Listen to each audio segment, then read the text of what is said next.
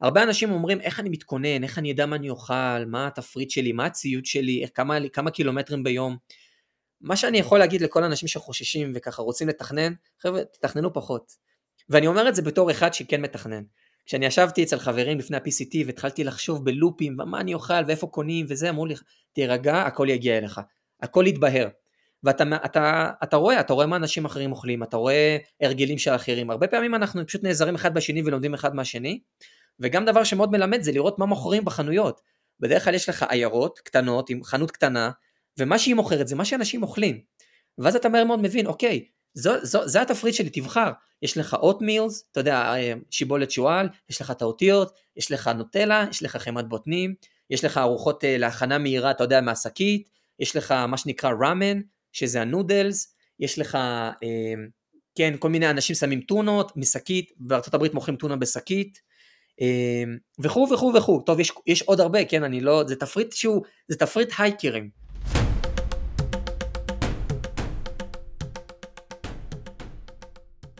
ברוכים הבאים למסע. אנחנו בפודקאסט לטייל בקלילות, ואני אריה פישלר, מארח, ומספר לכם על כל מיני דברים שקשורים למסעות. נדבר בעיקר על טרקים ומסעות רגליים רב-יומיים, אבל לא רק. יש עוד חוויות מסע מרתקות מעולמות שונים שתשמעו עליהן, וכמובן, כשיוצאים יש לקחת איתכם ציוד מתאים, וגם בזה נעסוק ונמליץ. אז בואו נתחיל, פרק נוסף. הפודקאסט בשיתוף Plan My Tracks, שירות לייעוץ והתאמת תוכנית אישית לטרק שלכם, וגם חנות לציוד טיולים קל ואיכותי. לפרטים נוספים מוזמנים לבדוק את planmytracks.com.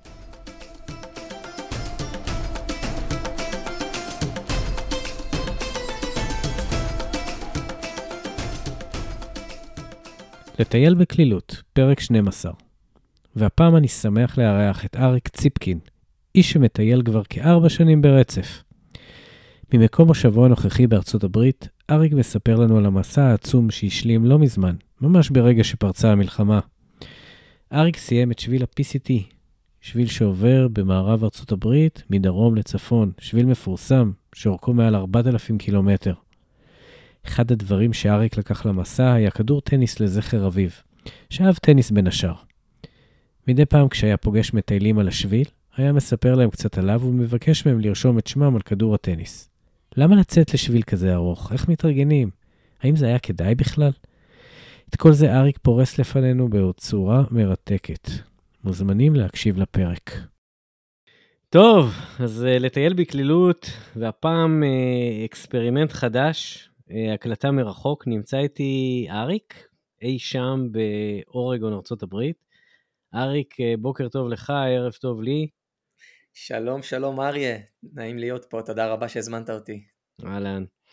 אז uh, אנחנו uh, מקליטים איתך היום uh, את הפרק, ואתה נמצא בארצות הברית מסיבה מאוד uh, ספציפית. אז בוא תספר קצת על הרקע, עליך קצת, קצת uh, uh, לסדר את הבמה לקראת הסיפורים שלך.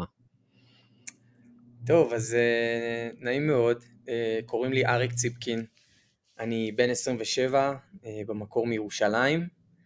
אה, בארבע שנים האחרונות, מ-2020 אני בטיולים בעולם.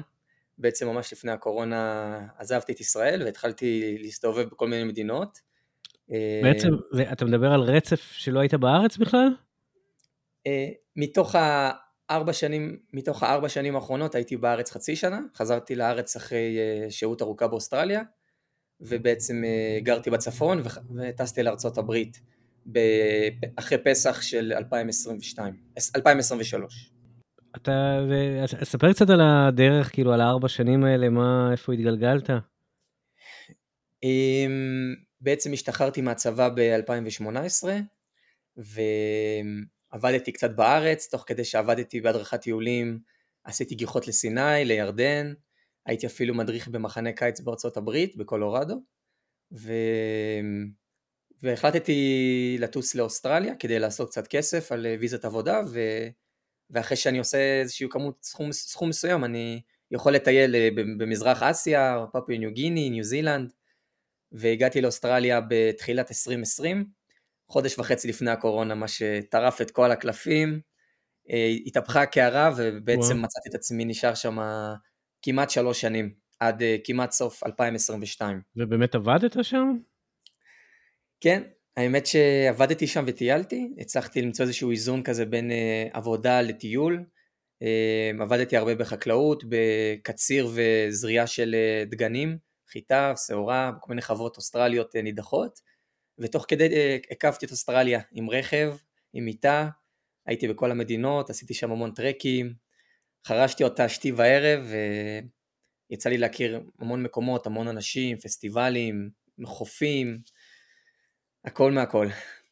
ובכל זאת עזבת ונדדת לארה"ב של אמריקה. נכון, נכון, נכון לגמרי. אמ, על ה-PCT שמעתי מחבר טוב שלי רן, רן שנקר, ככה חייב להזכיר את, ה, את, ה, את האיש והאגדה, חבר מאוד טוב שלי, שטייל את השביל ב-2018, מיד אחרי שהוא השתחרר, וברגע שהוא חזר לארץ, הוא לא הפסיק להטיף לי, הוא פשוט אמר, אתה, אתה חייב לצאת, הוא הדביק אותי בחיידק הזה. למה? מה, מה הוא אמר לך? מה, מה הדליק אותך? טוב, רן ואני, אנחנו חברים מאוד טובים אה, מהשנת שירות, שנינו מדריכי טיולים. אמ, ואנחנו מאוד מאוד אוהבים טבע, אנחנו מאוד אוהבים לטייל בטבע, ללכת הליכות טובות, לעלות על הרים, והיינו מטיילים המון ביחד בשנת שירות ובצבא, ו...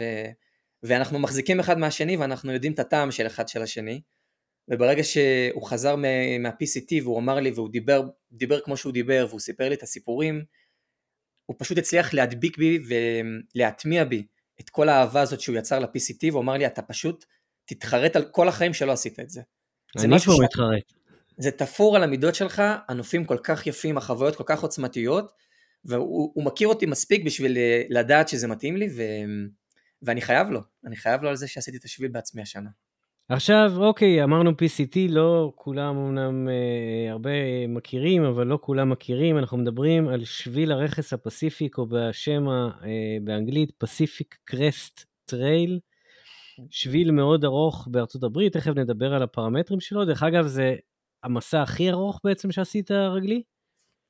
כן, עשיתי את שביל ישראל אה, מיד אחרי השחרור, אה, אלף קילומטר, אה, זה המסע הרגלי הכי ארוך, כן, מה שנקרא ה-through hike הראשון שלי. אז ה-PCT זה בהחלט המסע המשמעותי הכי ארוך שעברתי על שני רגליים. אחלה. אז uh, לפני שאנחנו קופצים לסיפור, אני חייב פה, uh, uh, בגלל כל הנסיבות, אה, מסקרן אותי, אנחנו באמצע פה המלחמה. אה, אחד, אני קצת יותר אה, ותיק ממך פה מבחינת גיל. יכול להגיד שדבר כזה באמת לא היה פה מעולם. איך זה לשבת שם ואתה יודע, להסתכל, יש לך פה משפחה, איך זה עובד? אמ, תראה, אני אתחיל ואומר ש... אני תפס, המלחמה תפסה אותי באיחור, באיחור של יום, אני הייתי מנותק מהטלפון בערים לקראת uh, סוף השביל, um, לא הייתה קליטה וגם לא עניין אותי לבדוק את הטלפון, והאמת אני, אני, אני יכול להגיד את זה באיזושהי, בתמימות ובאיזושהי אפילו חוסר תשומת לב, פתחתי את, הטלפון, לא תכננתי, רציתי לפתוח אותו כשאני אסיים את השביל ופתחתי אותו בשמיני לאוקטובר, שזה בעצם יום אחרי, יום אחרי שהתחילה המלחמה, פתחתי את זה כי לא הייתי מחובר לטלפון איזה שבוע, וראיתי מלא הודעות, בעיקר מאנשים מארצות הברית ואוסטרליה, ששולחים לי איפה אתה? ומה קורה איתך, כי אנשים מחו"ל יותר דאגו לי מאשר אנשים בארץ. ו... ו... ואז פתחתי חדשות אחרי שלא קראתי חדשות בערך חצי שנה, ו... וזה תפס אותי ב... בעצם בסוף של השביל. את השביל סיימתי ב-9 לאוקטובר, יום אחרי, יומיים אחרי שהתחילה המלחמה. אמ, ומאז אמ, עברו הרבה דברים, אנחנו כבר מקליטים את הפרק אה, כמעט חודש וחצי אחרי. כן. אמ, עברתי הרבה מחשבות, הרבה מערבולות עם עצמי, והאריכו לי גם את הוויזה בארצות הברית אה, עד האביב, אז אחרי, איזשהו, אחרי איזושהי מסכת מחשבות החלטתי להישאר פה ולעשות, אה, למצוא לעצמי איזשהו ככה מקום מנוחה ושקט, להתרכז בטוב ולתמוך מרחוק. ולהבין שאם אני לא אכנס לעזה אז עדיף לי להישאר במקום שבו אני יכול להטיב עם עצמי ולשמור על, על קור רוח ולדאוג לעצמי וגם אמ, להיות באיזשהו מקום בטוח וכל הזמן לעקוב אחרי מה שקורה, אני כל הזמן עוקב. כל יום, יותר, יותר מפעמיים ביום אני, אני עוקב ואני קורא ואני מדבר ואני שולח הודעות לחברים שהם על מדים. אמ, אז אני קרוע בין, בין בית לחו"ל, אבל uh, מרגיש לי נכון להיות פה, ממש התחושה להיות בארץ כרגע לא, לא נכונה לי. ו... כן, לא הסביבה הכי סימפטית, באמת, uh, אתה יודע, כל, uh, כל קשה. מניח שעוברות לך באמת הרבה מחשבות. Uh, וכן, אני חושב שיש לך זכות, ואתה יודע, לפעמים זה עניין של מזל, איפה אנחנו נמצאים, איזשהו uh, גורל נקרא לזה. וכן, אין ספק שעדיף לטייל בסוף זה באמת דבר חיובי, אה, עדיף ממלחמות. כן, אני מסכים איתך, ממש. בסדר, אז אנחנו מדברים על, אה, על ה-PCT, על ה-PCT, אז בואו בוא נדבר, אנחנו מדברים על אה, שבילים ארוכים בארצות הברית, בואו בוא תספר מה זה שבילים ארוכים ואיזה אחרים יש, אוקיי. Okay. וקצת נמקם אותם על, על הגיאוגרפיה של ארצות הברית. מעולה. אז אנחנו מדברים פה בעצם על ארצות הברית של אמריקה, המדינה השלישית בגודלה בעולם. ארצות הברית היא מעצמה של טיולים והי... וטרקים והייקינג. Uh, הרבה פעמים אני ככה מנסה להשוות לישראל, כי אנחנו ישראלים טיילנים גדולים עם המון שבילים וגם שביל ישראל האיקוני שלנו, אבל הברית היא באמת uh, מעצמה uh, בכל מיני דברים וטיולים זה אחד מהם. אבל כשאתה אומר מעצמה, מה, מה הנקודה הזאת? כי אתה יודע, מעצמה זו מילה גדולה, מה הנקודה ש, שגורמת לך להגיד את זה? וואו, יש פה כל כך הרבה דברים אה, מגוונים לדבר עליהם. אה, אני אתחיל ואגיד בזה שתרבות הטיולים בארצות הברית היא מאוד מאוד גבוהה. אמ, השבילים, השבילים שקיימים בכל מקום מסומנים היטב, עם מפות מאוד מאוד טובות, עם אפליקציות נהדרות. אמ, שבילים שמגיעים לפסגות מאוד נידחות, שבילים שמגיעים למעיינות חמים, שבילים שיורדים למקומות מאוד מאוד אה, מסוכנים אפילו. יש שבילים שממש אפילו, גם לא מתוחזקים, פותחים אותם ואפילו עוזבים אותם, אבל מנסים להגיע לכל מקום מיוחד אה, בארצות הברית. אה, בשנות ה-60 התחילו פה אנשים משוגעים ללכת בעצם מדרום ארצות הברית, מהגבול עם מקסיקו לקנדה. ממש אותם חלוצים החליטו ש... שהם רוצים לחצות את ארצות הברית ברגל, וכמובן לא היה שום שביל ולא היה שום, היו רק מפות טופוגרפיות, ואותם אנשים אה, פשוט עם ציוד על הגב שהיה מאוד כבד ומאוד מסורבל, חצו את ארצות הברית ברגל, בניווט, והתחילה פה איזושהי תרבות שנקראת ה-through hiking, מה שאנחנו מכירים אה, בארץ כמו תרבות שביל ישראל, השביליסטים. כלומר, אה, through hiking זה בעצם, אני הולך כל הדרך, ברצף, שביל באורך כלשהו, זה באמת הרצף הזה, הרצף, אני מדבר על זה הרבה פה בפודקאסט, על הנושא הזה של ה... בעצם הרב-יומיות, ופה אנחנו מדברים רב-יומיות על פני כמה זמן בערך? אמ, אני חושב שאין איזושהי הגדרה אחת אה, לעניין ה-through hike, אבל בארצות הברית נהוג להגיד ש-through hike זה איזשהו שביל מעל 500 מייל. אפילו 500 מייל אנחנו מדברים פה על בערך 800 אה, קילומטר. אמ, יש אפילו, ב, אפילו באתר של ה-PCTA, שבעצם אתר ש... וארגון, אגודה שאחראית על השביל, של ה-PCT אומרת שאם אתה מטייל פחות מ-500 מייל, אנחנו לא נחשיב אותך כ-through hiker. תצטרך, mm-hmm. לדאוג, תצטרך לדאוג לעצמך בערוצים אחרים כדי לקבל את האישור לטייל, אבל אם אתה רוצה לטייל מעל, אנחנו נגדיר אותך כבר כ-through hiker, כמטייל ארוך, מטייל שביל ארוך. אז אם אני אמשיך, אם אני אמשיך את מה שאמרתי לגבי שנות ה-60, אז בעצם אותם אה, משוגעים שטיילו ברגל אלפי קילומטרים אה, בניווט עם ציוד מאוד כבד על הגב, איזושהי אותה מגמה ואותה תרבות ומסורת התחילה להתפתח והתגלגלה אה, לתוך שנות ה-70 וה-80 ובעצם אה, אפילו חוקק חוק בקונגרס שמממן את פתיחתם של שני שבילים אייקוניים בארצות הברית, השביל המזרחי שחוצה את החוף המזרחי בעצם מדרום לצפון, שנקרא ה Appalachian Trail, שעוקב אחרי רכס האפלאצ'ים, אה, מתחיל אה, בג'ורג'יה ונגמר במיין, ואותו שביל אה, מערבי שאני טיילתי שמתחיל בגבול בין קליפורניה למקסיקו ומסתיים בגבול בין וושינגטון לקנדה. שני שבילים שבעצם אומנו על ידי ממשלת ארצות הברית ולקח בערך 20 שנה לפתוח אותם עם צוותים ועם מפות ועם המון המון מחשבה. דרך אגב, יש איזה מישהו שנחשב המייסד, האבא של כל אחד מהשבילים האלה?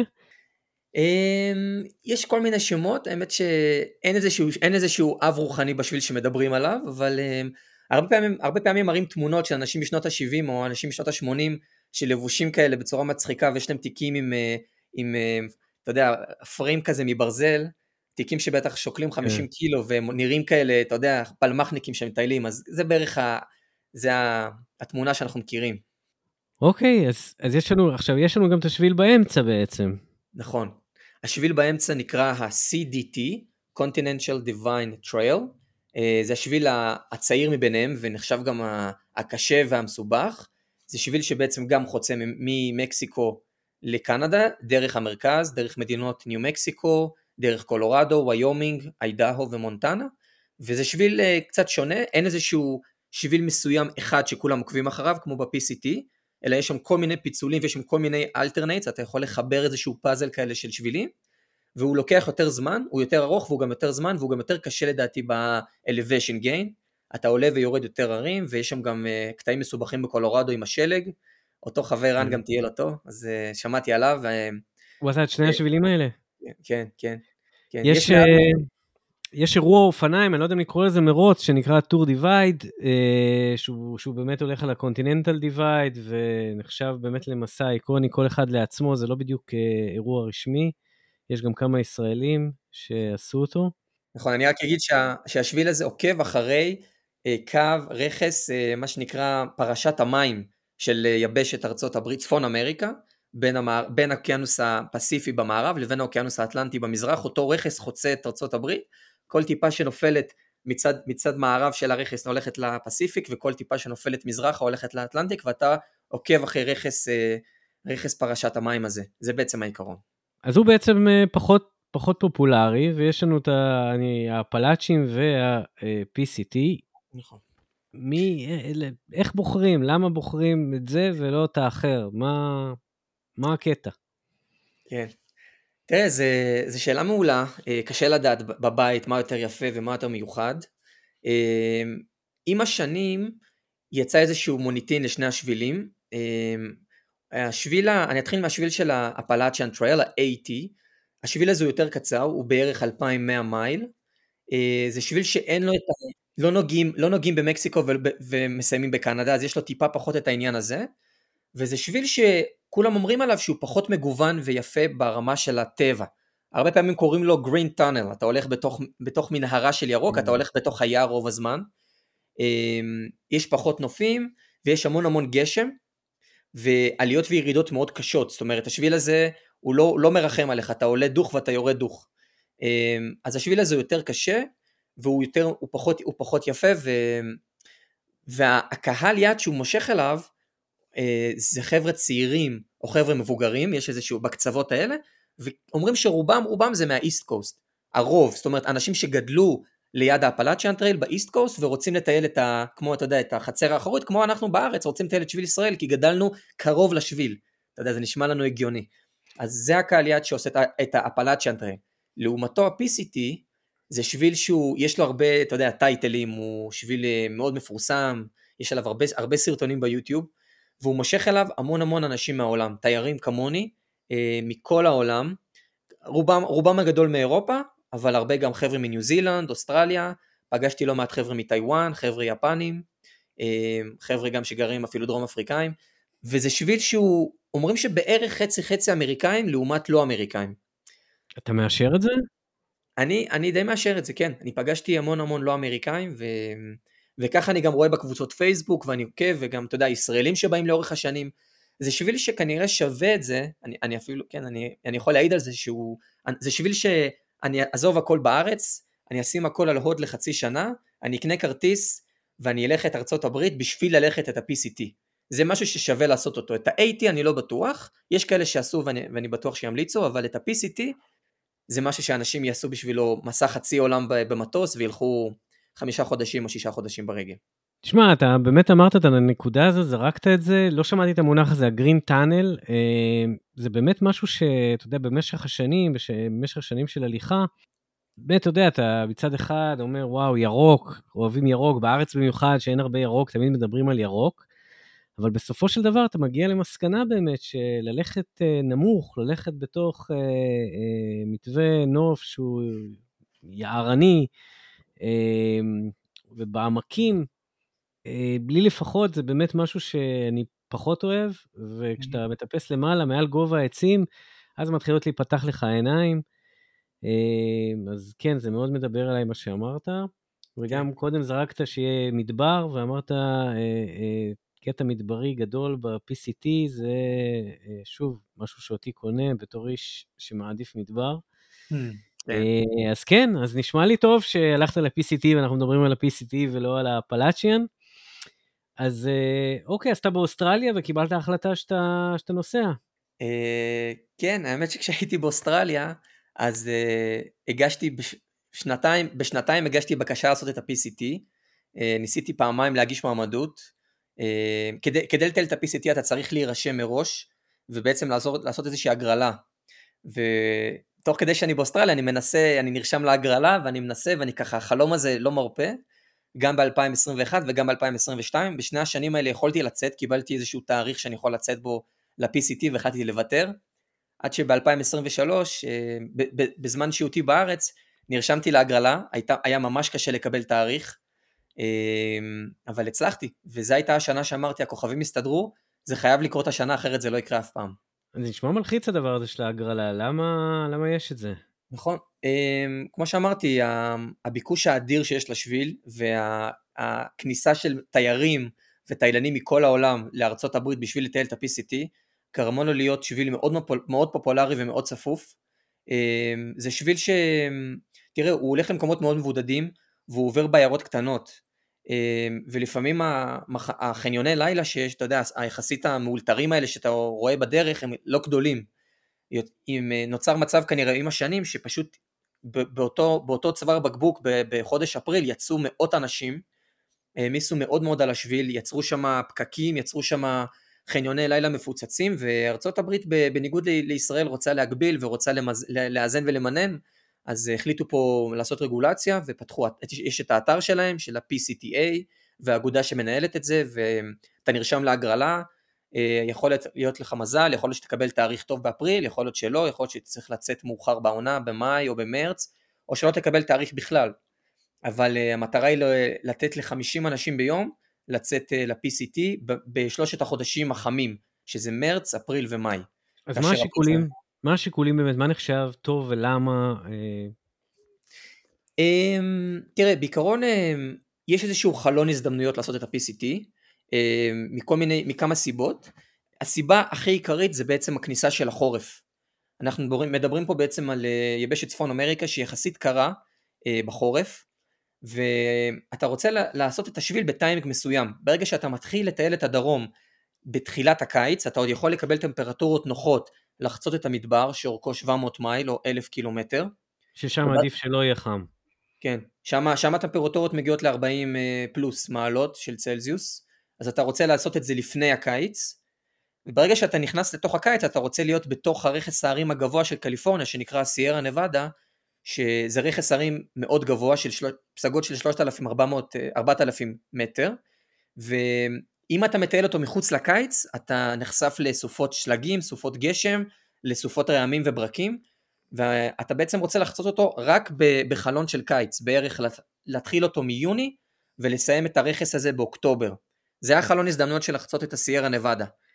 וברגע שאתה חוצה את החלון הזה, אתה נכנס לכיוון אה, מדינות הצפון, אורגון ווושינגטון, שגם הן מאוד מתקררות, והחלון שם גם נגמר לך בערך באוקטובר. זאת אומרת, כדי לסיים את השביל בצורה בטוחה וחכמה, אתה רוצה להתחיל באביב, בתוך הקיץ אתה רוצה לחצות את הרכס של הסיירה נבדה, ולקראת תחילת הסתיו, אמצע הסתיו, להגיע למדינות הצפון ולסיים בוושינגטון, שכבר uh, נכנס בעצם אמצע סתיו לקראת תחילת החורף גג, אתה רוצה כבר לסיים את השביל.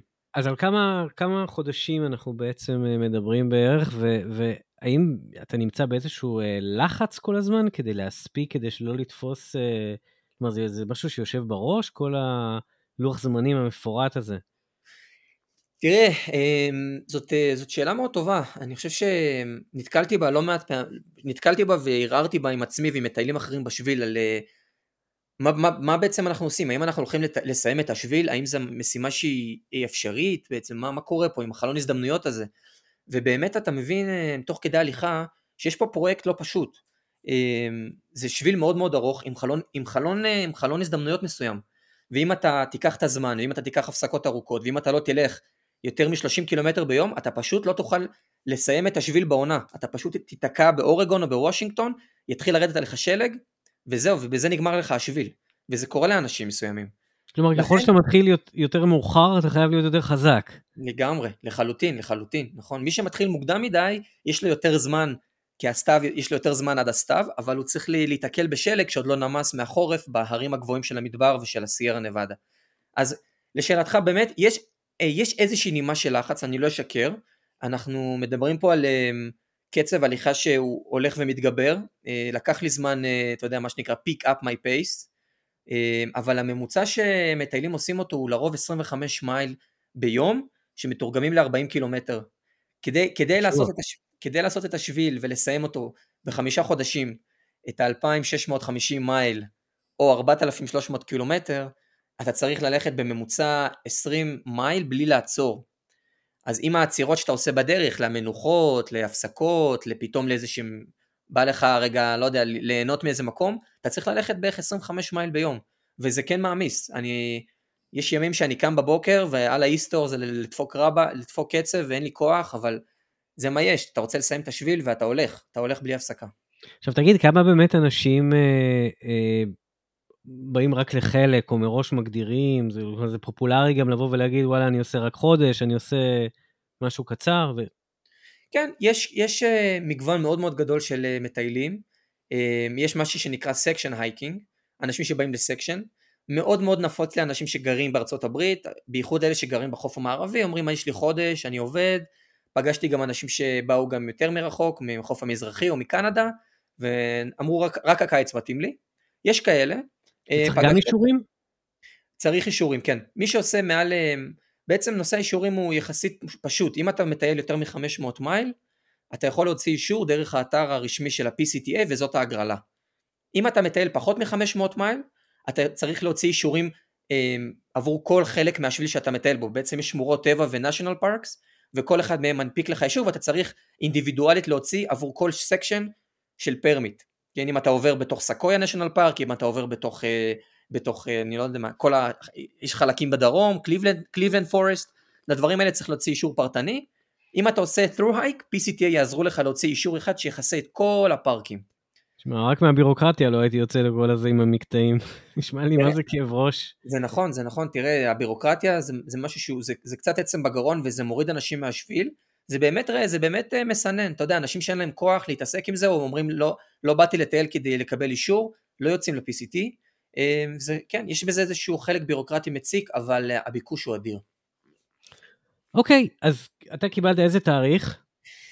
אז אני, אז מה שקרה איתי זה שיש שני מועדים לקבל אישור, נובמבר וינואר, שני, שני מועדים להגרלות, ההגרלה יותר גדולה בנובמבר, נכשלתי באות, לחלוטין, לא קיבלתי אף תאריך. בנובמבר הייתה תחושה שאני לא יוצא לשביל, ואז בינואר הגשתי בקשה נוספת והתפללתי מאוד חזק, אמיתי התפללתי, וקיבלתי את התאריך שהכי, יכולתי לבחור באיזה תאריך שאני רוצה, ובחרתי ב-24 לאפריל, שזה בעצם קצת אחרי אמצע העונה. אמצע העונה זה אמצע אפריל, בחרתי לצאת קצת אחרי, כי זאת הייתה עונה מאוד מושלגת, עם חורף מאוד קשה, ורציתי טיפה להתקרב לתוך הקיץ, כדי לא, לא להתקל בשלג מאוד גבוה uh, בדרום.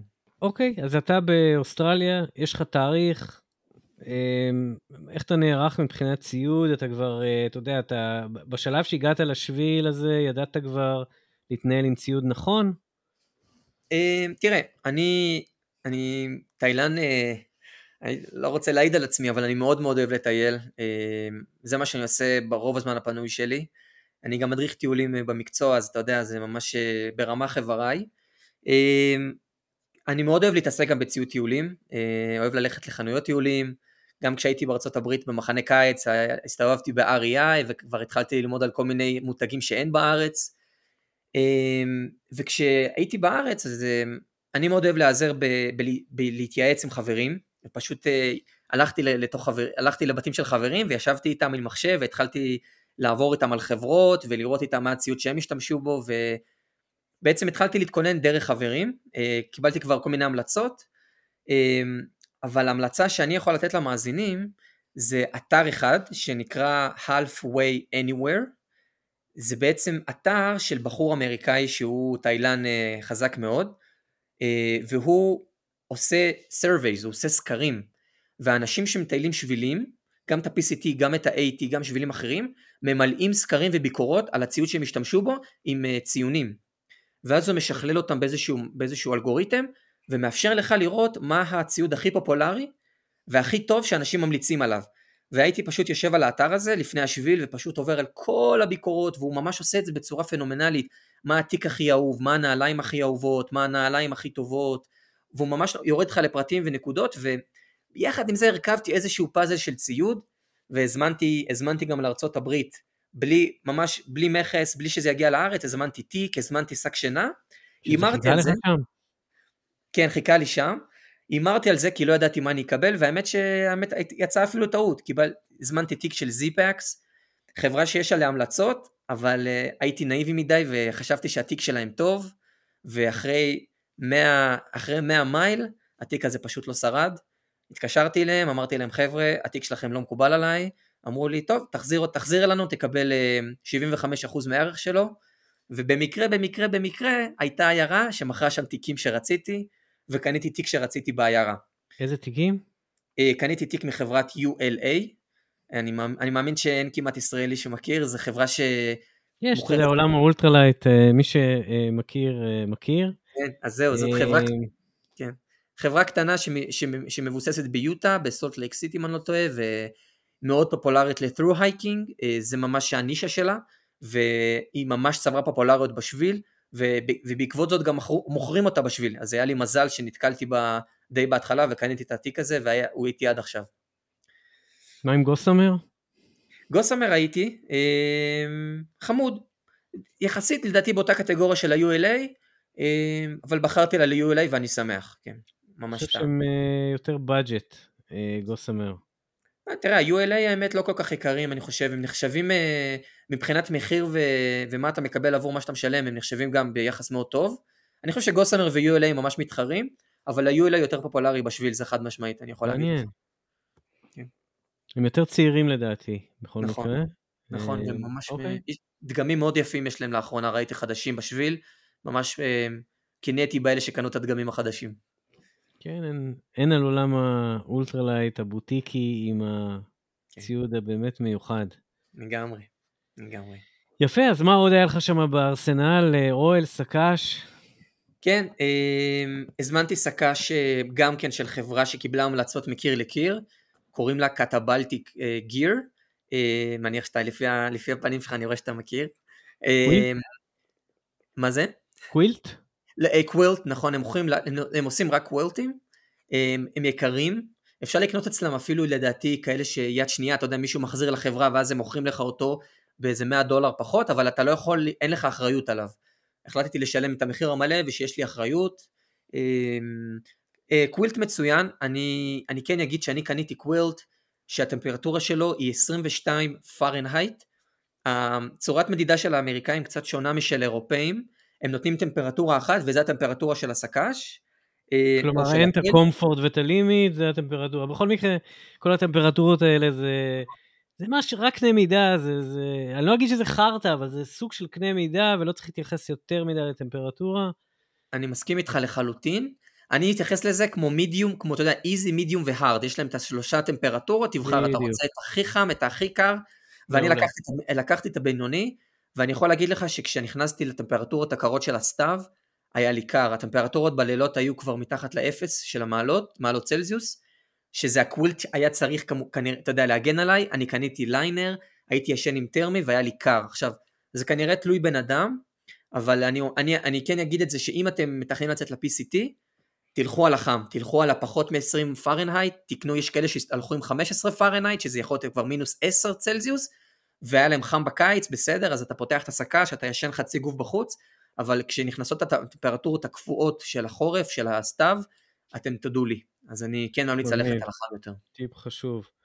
ונשאר רק האוהל. נכון, השלישי, הצלע השלישית של המשולש. אמ, תראה, אני אה, קניתי אוהל נימו ב-2019, את הנימו Hornet, 2 person, הוא שוקל קילו, קילו לדעתי ו-100 גרם, זה לא נחשב אוהל ultralight קלאסי, כי הוא, כי הוא, אתה יודע, יש לו, הוא נקרא freestanding, יש לו את ה frame שמחזיק אותו, אה, זה אוהל שהוא טוב, אה, הוא שימש אותי בצורה מאוד מאוד אמינה, אה, ואני מאוד אוהב אותו, ובהתייעצות עם החברים לפני השביל אמרתי אני אקח אותו, ואם לא מתאים, הוא יישבר אז אני אקנה חדש. ומה שבאמת קרה זה שאותו אוהל כבר ישן מ-2019, אה, עם אובר שימוש, הזיפרים שלי כבר מתו, אה, כשהגעתי, כשסיימתי את המדבר. יצרתי קשר עם החברה, אמרתי להם, חבר'ה, תראו, יש לי אוהל מ-2019, הנה הקבלה, אה, אתם יכולים לתקן לי אותו, אפשר לקבל איזושהי אחריות, מה אני יכול לעשות? אמרו לי, ש... אמרו לי, האם אתה מטייל through hike? שאלו אותי, לא, לא, לא אפילו אמרתי להם, אמרו לי, בגלל שאתה מטייל through hike, אנחנו שולחים לך חדש. שלחו לי אוהל הורנט משוכלל יותר, ובעצם איתו סיימתי את השביל. אז... אה, אין ספק שהם מדהימים ביחס שלהם באמת למטיילים. באופן כללי, איך הם מחזיקים מהציוד של, שלהם והרגשת האחריות, ובמיוחד אה, באמת למטיילים שבילים ארוכים. באמת מדהים, זה לא הסיפור הראשון שאני שומע. אני, אני מצדיע לחברות האלה שככה הן מתייחסות לעצמן והן מכבדות את עצמן בצורה הזאת. יפה, אז אתה מצויד, ואוקיי, מה עוד צריך לקחת בחשבון לפני שמתחילים? טוב, בעיקרון אז דיברנו, אמרנו שיש את הפרמיט, אמרנו שמתכוננים לציוד, קונים כרטיסי טיסה, תוודאו שיש לכם ויזה את השישה חודשים ולא את השלושה חודשים שעכשיו הציעו אה, לישראלים עם, הדר, אתה יודע, עם הדרכון הישראלי הביומטרי. Mm. אני כן צריך חצי שנה, אה, וזהו, ויוצאים לשביל. אה, אה, אני כן מאוד ממליץ אה, ככה לנחות נחיתה רכה, אני נחתתי בלוס אנג'לס, לקחתי כמה ימים, ואז הגעתי לסן דייגו, ושם היה, יש מלאכי שביל מאוד מפורסמים, כבר די מבוגרים שקוראים להם סקארט ופרודו, הם האבא ואימא של השביל המיתולוגיים, שמארחים אצלם בבית שביליסטים מ-2006, כל, כל שנה למשך שלושה חודשים או חודשיים מארחים שביליסטים, והם כל הזמן רוצים כבר לסיים עם זה, כבר קשה להם, אבל הם אירחו גם השנה, וכל שנה חושבים שזאת השנה האחרונה, אבל דווקא נראה שהם אה, מחזיקים מעמד, אז כל מי שרוצה... הם בני, אני מאמין שהם 70 ומעלה, הם כבר 70, 70 פלוס. הם שניהם טילו את השביל ב-2007, כשהם היו בני 50 ומשהו, הילדים שלהם כבר, כבר גדלו, והם uh, מארחים מאז, והם נותנים המון המלצות, ונותנים טיפים, ומארחים בבית, ונותנים לך את כל מה שאתה צריך, את כל החבילה של עוזרים לך עם טלפון ועם קניות, ואיך להגיע לשביל, ואתה פוגש אנשים, ויש הרבה אנשים שמכירים חברים אצלם, ומטיילים איתם עד קנדה. אז כל מי שיוצא לשביל, כדאי מאוד שיבדוק בגוגל Scout and Frodo סן דייגו ויבדוק האם הם מארחים בשנה שהוא רוצה לצאת בה. אה, ואם לא אז אפשר להישאר בסן דייגו יש שם כל מיני הוסטלים ויש שם כזה הוסטלים על הים ומשם למצוא איזשהו או לקחת שאטל או לקחת אוטובוס או מלאך שביל שייקח אותך לטרמינוס, לסאוף טרמינוס שזה בעצם מה שנקרא הפסל הדרומי שחונה נמצא על גבול מקסיקו אתה ממש יכול לגעת בגדר ומשם אתה בעצם onwards לקנדה. אז אתה מגיע ליום הראשון, יש שם מה, עשרות אנשים, אותם 50 שמותר להם להתחיל ביום, כולם באו אה, איתך? Um, אנחנו, אני הגעתי מהבית של Scout and Frodo בשאטל, יש שאטל כזה חברה שעושה הסעות, אתה משלם 75 דולר, ומעמיסים uh, 20 הייקרים ונוסעים איתם uh, מסן דייגו לשביל, לפסל.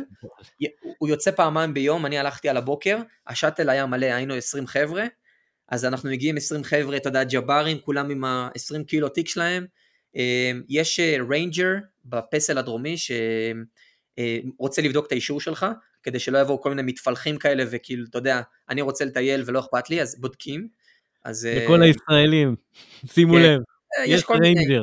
יש גם אמריקאים, כמו שאתה אומר, שלא אוהבים שאומרים להם מה לעשות, אז אתה יודע, יש, יש את האלה, אז הם בודקים את האישור ועושים תמונה, תמיד עושים תמונה של כל החבר'ה שמתחילים, יש לי גם תמונה כזאת, אתה רואה, אתה רואה כאילו כמו נבחרת כדורגל, אמ, וזהו, וברגע שכולם מוכנים, אתה יודע, אנשים מתחילים לטפטף החוצה, ויש בחור אחד שהייתי איתו בשאטל, בחור מאוסטרליה, שהוא התחיל בערך חמש דקות לפניי, וראיתי אותו רק פעם אחת, הוא פשוט כל, כל הדרך היה מלפניי, הלך הרבה יותר מהר ממני, וראיתי אותו פעם אחת, ראיתי אותו פעם אחת באורגון, וזהו, אתה מבין? אז יש, יש כאלה הזדמנויות, יש, ברגע שאתה מתחיל, יש אנשים שאתה לא תראה יותר, ויש אנשים שאתה תראה כל יום למשך חודש גם. וואו, שזה כן. טוב או רע? זה יכול להעיק גם, לא?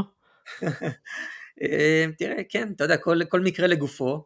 יש, יש מצב שבו אנשים הולכים איתך באותו קצב, אז אתה כל הזמן עושה איתם כזה יו-יו, אתה עוקף, הם עוקפים, ישנים ביחד באותו מקום, אחרי זה אתה פוגש אותם בעיירה, יש מקרים כאלה, Uh, לפעמים נוצרים שידוכים ואתם נהפכים ל tramily, מה שנקרא זה כאילו trail family, טרמלי, אז או, ש, או שיש כימיה או שאין כימיה, ואז אתה רואה אותם הלוך ושוב, uh, אתה יודע, כל מקרה לגופו, אז היו כאלה שהייתי דבוק אליהם, ויש כאלה שאמרתי טוב, טוב לראות אותך וטוב גם ללכת בלעדיך. כן. טוב, תגיד, מה עם אהבה בשביל? אמ, תפסתי אותך, אה? מה, כן, אמ, אתה רוצה שנדבר על עצמי או לדבר על אחרים? מה שבא לך, אני- לא אהיה יותר מדי פושי. אמ, טוב, אז אני, אני כן אגיד על עצמי שאני לא, אמ, אני לא התאהבתי באף מטיילת. אה, כן, יש בחורות מהממות ורווקות מכל העולם, אבל אה, לא יצא לי אישית, אבל כשעצרתי בעיר שנקראת בנד אורגון, איפה שאני מדבר איתך עכשיו, אז כן פגשתי פה בחורה מקומית שהיא גרה פה, אמריקאית אה, שבילתה בישראל כמה שנים, וכן ככה נוצר איזה משהו רומנטי בינינו, ושמרתי איתה על קשר אחרי שעזבתי את בנד אורגון, ודיברנו בהודעות ופייסטיים וכאלה, ובאמת באתי לפה כדי לבקר אותה.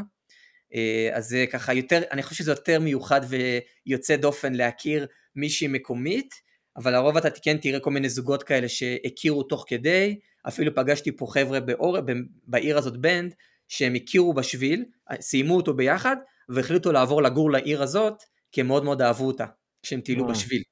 אז אה, רומנטיקה קיימת פה, והיא, כן, חוצה, חוצה תרבויות ומדינות. יפה, אז התחלנו לטייל, הכל מצויד פה, פה, פה ושם, כל הדברים. עכשיו עומדים לפניך ימים על ימים על ימים של אה, טיול שעשית, ו- ואני לא יודע אפילו איך אני ניגש עכשיו לשאול אותך על דברים שקרו. כי נראה לי שכמות הסיפורים היא כל כך גדולה, איך אתה בכלל מפרק את זה עכשיו להסביר? כן. וואו, תשמע אריה, זה נכון. תראה, אנשים שואלים אותי איך היה השביל, וכשאני מסתכל עליהם, אני לא יודע מה, אני לא יודע איך לענות להם. אתה יודע, זה כאילו לשאול אותך, איך היה החצי שנה האחרונה שלך? איך היה השירות הצבאי שלך? איך היה התיכון שלך? אתה אומר, בואנה, כאילו, אתה יודע, אתה מדבר איתי פה על אה, פרק זמן משמעותי, עם כל כך הרבה דברים, עם, אתה יודע, התחלות, אמצע, סוף, אה, עליות וירידות, אז מאוד מאוד קשה לספר איך היה השביל.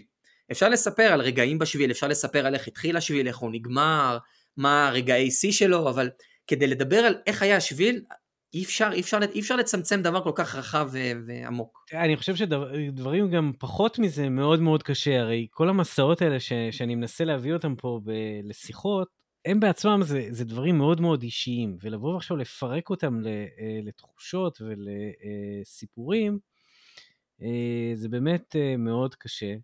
נכון. אה, ובאמת אני מסתכל על מסע כזה שאני עוד לא עשיתי, אבל עכשיו תוך כדי שיחה שמתי לעצמי יד עד גיל 60 לעשות גם את ה-PCT. Yeah, read my lips, מה שנקרא. אמן, לא- אמן. אבל לא נשאר לי הרבה זמן. בגדול. אה, אז כן, אבל אה, אתה יודע, בוא ננסה ל- לשלוף כל מיני אה, סיפורים שעולים לך, אתה יודע, אתה לא חייב להיות הדברים הכי, הכי, אלא הסיפורים הכי טובים זה אלה שנשלפים לך. וואו. אמ, טוב, אני, אני כן ככה אתן אולי ככה טעימות מכל מיני, אני גם מנסה מכל מיני מקומות שונים בשביל.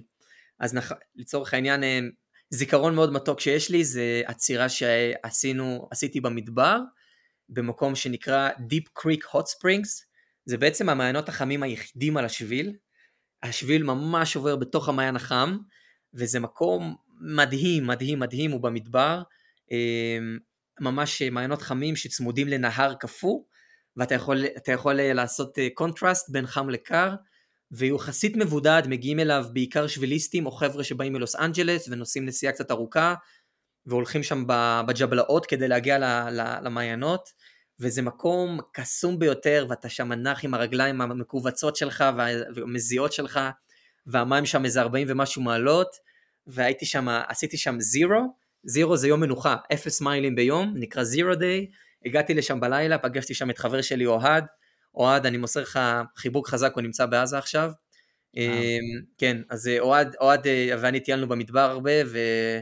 והייתי שם עם אוהד בלילה הראשון, ואמרתי לו, אוהד, אני נשאר פה עוד יום, אוהד המשיך, אני נשארתי שם, הגיעו חברים שהיו קצת מאחוריי, וכולנו שם יושבים, איזה בחור מלוס אנג'לס נותן לי בקבוק טקילה, אומר לי, חמוד, זה בשבילך, מה שנקרא trail magic. trail magic זה איזושהי מתנת שביל, איזשהו קסם שביל, שמישהו מבחוץ נותן איזושהי מתנה לשביליסטים.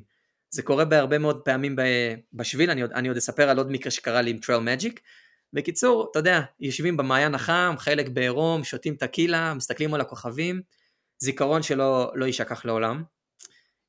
עוד רגע מתוק שאני ככה, מה שנקרא בהקשר ל trail magic, אז trail magic זה משהו שמאוד מאוד נפוץ בשביל, ב-PCT מאוד נפוץ, אמ, אתה תלך ופתאום אתה תעצור, אתה תראה שולחן, לפעמים גם יש שלטים שיכווינו אותך טרל מג'יק ahead, ואתה תראה בן אדם בדרך כלל זקן, מבוגר, לפעמים גם צעירים, אבל לרוב יותר זקנים, פשוט מגיעים עם הרכב שלהם עמוס במתוקים ובסנדוויצ'ים ובשתייה ובירות, ופשוט מאכיל את השביליסטים.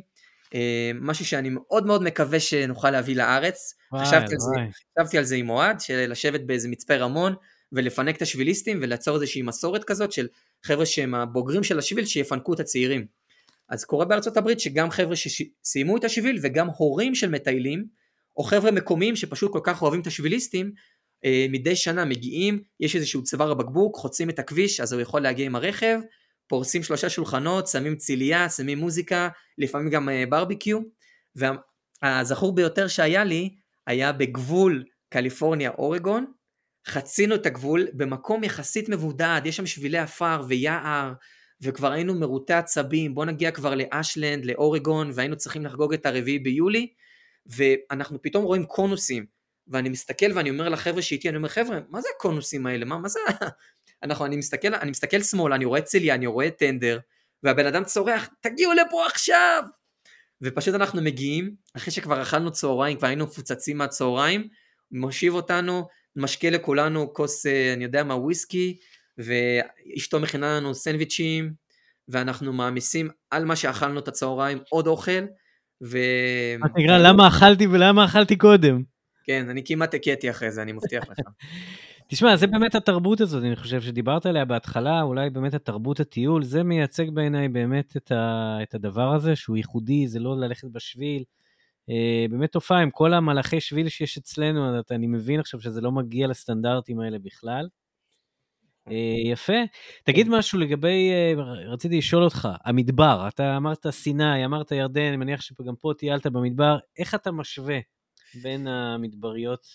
כן, וואו. אמ, תשמע, אה, זאת שאלה מעולה, בגלל שאתה מגיע עם איזושהי ציפייה מסוימת, או עם איזשהו, אמ, אתה יודע, איך, איך נראה מדבר, ואתה אומר, בואנה, אתם, אתם רציניים? זה דזרט? אז בעצם דרום קליפורניה, היא מעניינת ומאוד מגוונת. היא נחשבת מדבר כי היא באמת נראית מדברית, זאת אומרת, אה, היא שטוח, היא, אתה לא תראה שם כמעט עצים, יש שם המון המון, יש המון המון אה, שיחים. יש עצים אבל רק בהרים הגבוהים. ובעצם ה-PCT הוא הולך על ההיי דזרט. אז אתה נמצא בעצם בדרום קליפורניה, ואתה עוקב אחרי הרכס הפסיפי, ואתה לפעמים תראה משני הצדדים של ההר את המדבר, אתה פתאום תראה פלטה צהובה או אדומה, שטוחה לחלוטין, אבל אתה תלך באזור יחסית מיוער או עם שיחים, לפעמים אפילו אתה לא תרגיש מדבר, אה, יש ממש מחטים ועצי אורן, אה, ברגע שאתה בעצם עולה מעל 3,000 אה, מטר, המדבר הופך להיות אלפיניסטי כזה. אז חל, חלקים מה-PCT במדבר הם מאוד נמוכים ואתה חוצה כל מיני עמקים ואתה הולך במישורים, שם אתה תראה קקטוסים ושם אתה תראה Joshua tree, שזה כזה עץ מיתולוגי פה בדרום קליפורניה, yeah. כן. במקסיקו, וגם הטמפרטורות בהתאם. ופתאום אתה תעלה על הרים, למשל עלינו על, אה, על הרים של מעל לוס אנג'לס, נקרא Baden Powell, אה, אתה פשוט לא, לא תגיד שאתה במדבר, אתה רואה שם סלעים ענקיים ובולדרים, וכאילו, והייתי שם בשלג פתאום בחודש אה, יוני, והמדבר טיפה מתעתע, פתאום, ב, אתה יודע, בעמקים חם ובהרים קר, ויש גם מים, הרבה נחלים ומעיינות, ונווה מדבר, אז אתה יודע, זה מדבר שהוא מאוד שונה, והייתי אומר אה, לבוא בלי ציפיות וליהנות ממנו כמו שהוא, ולא להשוות אותו לסיני או למדבריות בירדן. יפה. נקודות דברים מפחידים. קרו לך דברים מפחידים? ברור, ברור, בוודאי, בוודאי.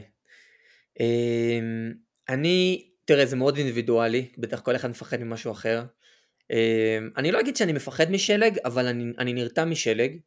אני יכול להאשים בזה את המדינה החמה שגדלתי בה. לגמרי. אה, אני גם, אתה יודע, אני גם באופן אישי, לצערי לא עשיתי בחיים סקי ולא הייתי באירופה בחורף, אז אני גם מה, מהישראלים האלה שבאמת לא מכירים, לא מכירים שלג ולא מכירים אה, תרבות של אה, סקי. אני מכיר את הפחד הזה, אני חייב להגיד לך. כן, תראה, אני חושב שהסכנות הכי גדולות בשביל זה, זה שלגים וחציות נחלים. זה, זה הסכנות הכי גדולות. אה, גם יש חבר'ה שנהרגו, יש חבר'ה שנהרגו בחציות נחלים, ויש אה, בחור שב-2021, בחור צעיר שהחליק על מדרון מושלג ואיבד את חייו. אה, במדבר, וזה עוד היה, אתה יודע, זה בימים האלה שאתה עוד מתרגל לשביל ואתה עוד לומד את ה... ללכת אותו, ו... אמ, אז כן, אני, אני הכי פחדתי מללכת על מדרונות מושלגים, אמ, הלכתי פעם ראשונה בחיים שלי עם microspikes, שזה הדוקרנים שאתה שם על הנעליים, עם גרזן שלג, לא ידעתי איך להשתמש בזה, הייתי צריך לתרגל את זה, הייתי צריך לחכות לרגע שבו אני אולי אחליק, ואז יציל את חיי, זה מפחיד, כן, יש, אני, לא, אני ממש אגיד שזה מפחיד, אמ, אני חושב שהכי מפחיד זה היה ללכת על שלג בגשם לבד, זה מה שקרה לי במדבר, לרדת מביידן פאוול, אה, מצאתי, מצאתי עצמי שם לבד, לא היה אף אחד לסביבי, הגיעו עננים, התחיל לרדת עליי גשם, מדרונות מושלגים, החושך מתחיל להתגלגל ואני פשוט מרוט עצבים, אני רק סופר את השניות כדי להגיע כבר לתחתית ולהקים את האוהל ולהגיד להגיד הגומל. יש סיטואציות של אה, שלג שהשביל הולך לאיבוד? כן, בוודאי, כן, בטח. ברגע שהשביל אה, קבור בשלג, אתה רק... דבר אחד שיש לך זה את האפליקציה שלך שנקראת far out, שיש לך GPS ושביל מסומן על המפה ואתה יכול לראות על פי הנקודה האם אני נמצא על השביל האדום או מחוצה לו, והדבר השני המתעתע זה העקבות רגליים של החבר'ה שהיו לפניך.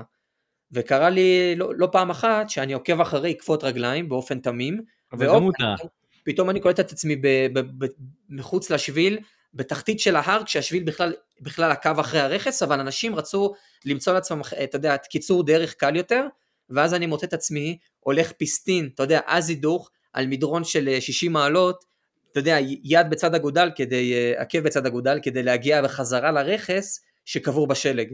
זה קרה לי בגריזלי פיק בצפון קליפורניה. בקיצור, סמוך תמיד רק על עצמך ועל, אה, ועל כלי הניווט שלך, לא על אחרים שאולי לא יודעים מה הם עושים. זה כמו שאתה מעתיק במבחן, אתה אף פעם לא יודע אם אתה מעתיק ממישהו שיודע או לא יודע. נכון, נכון, נכון, נכון, וזה זה, זה יכול להיות מאוד מסוכן, ויש לא מעט חילוצים שאני שמעתי עליהם, בגלל אנשים שהלכו לאיבוד, אנשים שהחליקו, אנשים שעף להם הגרזן, אה, צריך לעשות את זה בשיקול דעת ובכובד ראש כשאתה עושה דברים כאלה. אגב, היה לך מסנג'ר הלווייני אליך? כן, כן, חד משמעית, הייתי עם גרמין, אה, גרמין מיני 2, אה, אני מכיר מטיילים שהלכו בלי, הייתי מאוד מופתע, והם אמרו לי, אני תמיד מטייל עם אנשים, אני לא הולך לבד, אני, אני בן אדם חברותי. ואני הסתכלתי עליהם באיזשהו, אתה יודע, במבט כזה של חבר'ה, אתם, אני חושב שאתם קצת נאיבים, אתה יודע, פתאום אתה יכול, אתה יכול להיות לבד, אתה יכול לקום מאוחר במחנה, כולם עזבו, ופתאום אתה מוצא את עצמך במדרון כזה, ואיך תדע, פ, אתה יודע, פתאום הטלפון מתקבע, פתאום אין לך, פתאום הבטריה אזלה, או... יש, יש מצבים מאוד מסוכנים. אני כן אגיד שאני הלכתי עם, ה, עם המכשיר הלווייני מחובה בתיק, ויש אנשים שהולכים איתו, תלויים איתו דלוק על ה... אתה יודע, על הרצועה של התיק מוכנים ללחוץ. אז אני לא רציתי להיות uh, במצב כזה של סטרס ומוכן ללחוץ ומחכה לצרה שת, שתגיע, הוא תמיד היה במקום שאני יכול לשלוף אותו, ואם אני נופל, אז אני יכול להשתמש בו, וכשאני חוצה נחלים מסוכנים, הייתי באמת אה, מוציא אותו מהתיק, שם אותו בכיס, במצבים שאתה אומר, בואנה, זה סכנת חיים.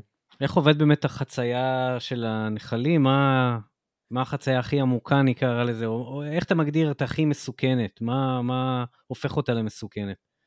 אמ, תראה, חציית נחלים זה דבר שהוא מאוד תלוי, תלוי אה, שנה. אני טיילתי בשנה שבה השלג היה מאוד מאוד גבוה, שנת שיא של שלג, וחציות נחלים היו החציות הכי מסוכנות שהיו בהיסטוריה של אה, PCT הייקרס.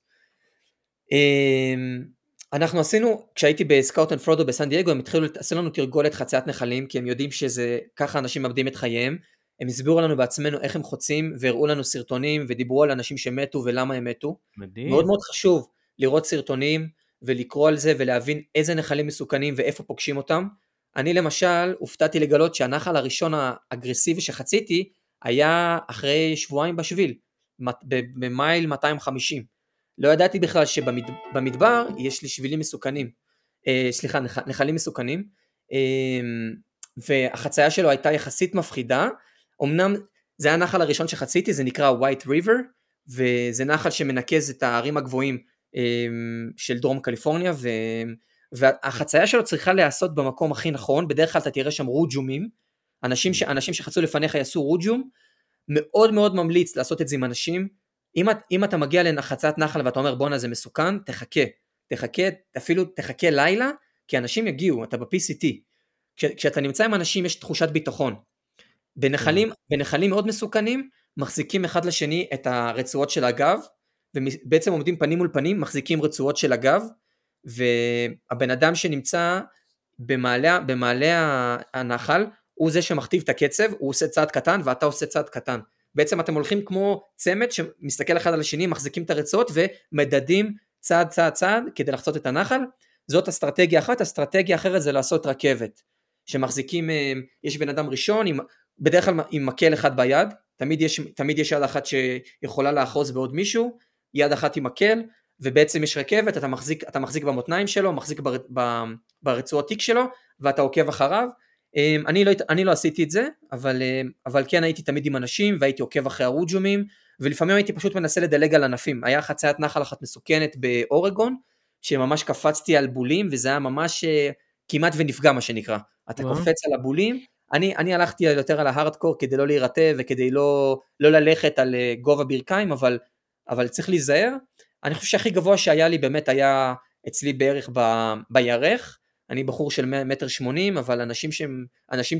נמוכים, או אתה יודע, מטיילות נמוכות, מסוכן. אני ראיתי מטיילות נמוכות שהייתי ממש, אה, לקחתי להם את התיק, הם עקבו אחריי, אמ, אתה ממש עוזר, אתה, אתה, אתה חייב לעזור.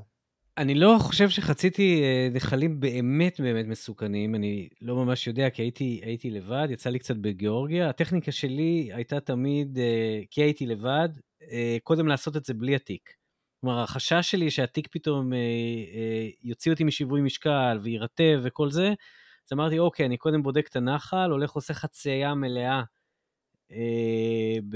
בלי התיק, חוזר, לוקח אותו ועובר. מה, מה דעתך על הטכניקה? אה, טכניקה מעניינת. אמ, אני, אני, כל מה שעובד לך הוא מצוין. אני כן אגיד שאם אתה חוצה נחל גבוה, עם התיק עליך, תפתח את הרצועות של התיק, בלי באקלים. בגלל, ש... בגלל שאותה בחורה שטבעה ב-PCT ב-2017, בחורה מסין, אם אני לא טועה, אמ, היא הייתה, עם ה... היא הייתה עם הרצועות עליה, וברגע שהזרם תפס אותה, התיק פשוט הטביע אותה. ואתה לא, לא בטוח שתחשוב על זה באותו רגע שאתה מנסה להוציא את הראש מעל המים, לפתוח את הרצועות ולהעיף את התיק מעליך. להעיף את התיק? אוי אלוהים, לאבד את כן. התיק נראה לי, לא פחות גרוע. כן, כן, כן, כן, אתה יודע, בסוף, בחיים ומוות, כן. תישאר אתה עם התחתונים שלך, ומי שיבוא ויציל אותך, יבוא מטייל, אתה תלך, אתה תלך לעיירה הקרובה, אתה לא יודע, אתה, אתה תשרוד איך שאני מקווה, כן, אבל התיק הזה שאתה רוצה לשמור עם העשרת אלפים שקל שלך, הוא יהרוג אותך בסוף. אז אה, לפתוח, לפתוח את הבקלים, ולהעיף אותו אם אתה, אם אתה מחליק, תעיף אותו. ומקסימום תביא אותו, ת, הוא, הוא יעצור איפשהו אולי. טוב, כן. מה עם אוכל? אוכל זה, אתה יודע, על פני כל כך הרבה זמן, איך אתה מצליח לא להשתגע ממונוטוניות של אוכל? כן, וואו, אוכל, אוכל, איזה סוגיה, תשמע, כמה אנחנו מתעסקים באוכל, אה? גם בשביל, גם בחיים, זה ה... האחד והיחיד זה האוכל. אמ, כן, אנחנו רוצים, אתה יודע, הלוואי והיה כדור שהיה אפשר לקחת ופותר אותך מהבעיה הזאת, אבל זה עובד בכל כך הרבה מישורים, גם פסיכולוגים, כשאתה אוכל יותר מדי אותו דבר, כבר זה משפיע לך על המצב רוח, כל מיני דברים כאלה. כן, תראה, אוכל זו, אוכל זו סוגיה בפני עצמה שאפשר להעריך עליה הרבה. אמ, מה שאני כן אגיד זה ש... אני רוצה גם להגיד את זה באספקטים יותר נרחבים, לא רק על אוכל. הרבה אנשים אומרים איך אני מתכונן, איך אני יודע מה אני אוכל, מה התפריט שלי, מה הציוד שלי, איך, כמה, כמה קילומטרים ביום. מה שאני יכול להגיד לכל האנשים שחוששים וככה רוצים לתכנן, חבר'ה, תתכננו פחות. ואני אומר את זה בתור אחד שכן מתכנן. כשאני ישבתי אצל חברים לפני ה-PCT והתחלתי לחשוב בלופים, מה אני אוכל ואיפה קונים וזה, אמרו לי, תירגע, הכל יגיע אליך, הכל יתבהר. ואתה אתה, אתה רואה, אתה רואה מה אנשים אחרים אוכלים, אתה רואה הרגלים של אחרים. הרבה פעמים אנחנו פשוט נעזרים אחד בשני ולומדים אחד מהשני, וגם דבר שמאוד מלמד זה לראות מה מוכרים בחנויות. בדרך כלל יש לך עיירות קטנות עם חנות קטנה, ומה שהיא מוכרת זה מה שאנשים אוכלים. ואז אתה מהר מאוד מבין, אוקיי, זו, זו, זה התפריט שלי, תבחר. יש לך oatmeals, אתה יודע, אה, שיבולת שועל, יש לך את הטורטיות, יש לך נוטלה, יש לך חמאת בוטנים, יש לך ארוחות אה, להכנה מהירה, אתה יודע, מהשקית, יש לך מה שנקרא ראמן, שזה הנודלס, יש לך, אה, כן, כל מיני אנשים שמים טונות משקית, בארצות הברית מוכרים טונה בשקית, וכו' וכו' וכו'. טוב, יש, יש עוד הרבה, כן, אני לא, זה תפריט שהוא, זה תפריט hiker ים. כן. אה, ואתה יכול לבחור מתוכו. כמה, כמה אוכל אתה סוחב איתך בממוצע ב... לכמה ימים ברצף? Um, תראה, um, יש אנשים שעושים לפי קלוריות. מכיר, מכיר חבר'ה כאלה, הם אומרים אני צריך לאכול ביום 5,000 קלוריות, לצורך העניין, אני לא יודע, אני בחיים לא ידעתי כמה קלוריות אני אוכל ביום, ידעתי מתי אני שבע. כשאני, ברגע שראיתי שאני אוכל ואני רעב, אמרתי לא טוב, סימן קריאה. אני צריך לאכול ולסבוע. אתה שורף כל כך הרבה קלוריות בהליכה, אתה עושה 40 קילומטר ביום, אתה עולה לפעמים אתה עולה בגובה מצטבר של אלף קילומטר ביום, או אלף חמש, סליחה, אלף חמש מאות מטר ביום מצטבר. זה המון המון עליות וירידות. הגוף שלך סוחב בדרך כלל תיק של 15 קילו. זה, אתה, אתה עובד, אתה, ב, אתה במצב פיזי, כל הזמן, אתה עובד קשה פיזית. אמ, אנשים אומרים, אני הבנתי שההמלצה זה לאכול קילו ביום. אמ, קילו, לסחוב קילו מזון לכל יום. זאת אומרת, חמישה ימים, חמש קילו מזון. אה, עוד פעם, אני בחיים לא עשיתי את החישובים האלה, אני ידעתי כמה, מה, מה המנה שתצביע אותי לארוחת בוקר, כמה טורטיות משביעות אותי לצהריים, וכמה קוסקוס משביע אותי לערב. ברגע שאני מבין, ברגע שאני מבין שאני שבע, וזה מה שאני קונה, ואני סוחב איתי עד העיירה הבאה. עיירות גם כן זה משהו שאפשר לשחק איתו, לפעמים יש לך עיירה כל שלושה ימים, לפעמים אתה יכול לדלג על עיירה, לפעמים יש לך שישה ימים בין עיירות, בסיירה נבדה סחבתי שבעה ימים של אוכל, התיק שלי היה, כן כן, שקל שקל. ואז ככל, ככל שעוברים הימים אתה נהנה מהמשקל שיורד עם האוכל. לגמרי, לגמרי, לגמרי. היומיים לפני העיירה זה הימים הכי יפים. הכי כיף. כן. יפה, אריק, וואו, אני חושב שהיינו יכולים לבלות ככה עוד איזה אה, כמה שעות בשיחה. אה, אבל מבחינת ההקלטה שלנו, נראה לי אה, זה הזמן לעצור, אה, עם כל הצער. אה, אז אני, אני חייב להגיד לך שאתה יודע, כשאתה בא ואתה פוגש אה, בן אדם שאתה גם לא מכיר אותו, ואתה אומר, אוקיי, איך תהיה הקלטה ואיך יהיה הפרק, בסוף אני יודע שהרבה מאוד זה על הבן אדם ואיך הוא מציג את הדברים, ואני חייב להגיד לך שבאמת יש לך יכולת יפה לתאר ולהציג, ו- ונתת פה כמה טיפים ממש חשובים. אה, וכן, אני חושב שהדלקת אותי מאוד על השביל הזה. אה, הלוואי שאני אוכל לעמוד במילה שלי. תענוג, אה, אריה, תודה, תענוג. תודה על הסיפורים. תענוג, תענוג. כל שנה יש כמה ישראלים שיוצאים, השנה היו לדעתי קצת פחות מדי שנה, אבל אנחנו אנחנו בגאווה מייצגים את ישראל, יש הרבה ישראלים ויש קבוצת, קבוצת פייסבוק ל-Through Hikers Israel, ממליץ לי לעקוב אמ, ומומלצים אה, לשאול שאלות, למצוא אותי בפייסבוק. אמ, נשאיר, נשאיר את הפרטים שלך כן. בפרטים על הפרק. כן, תמיד אשמח לעזור.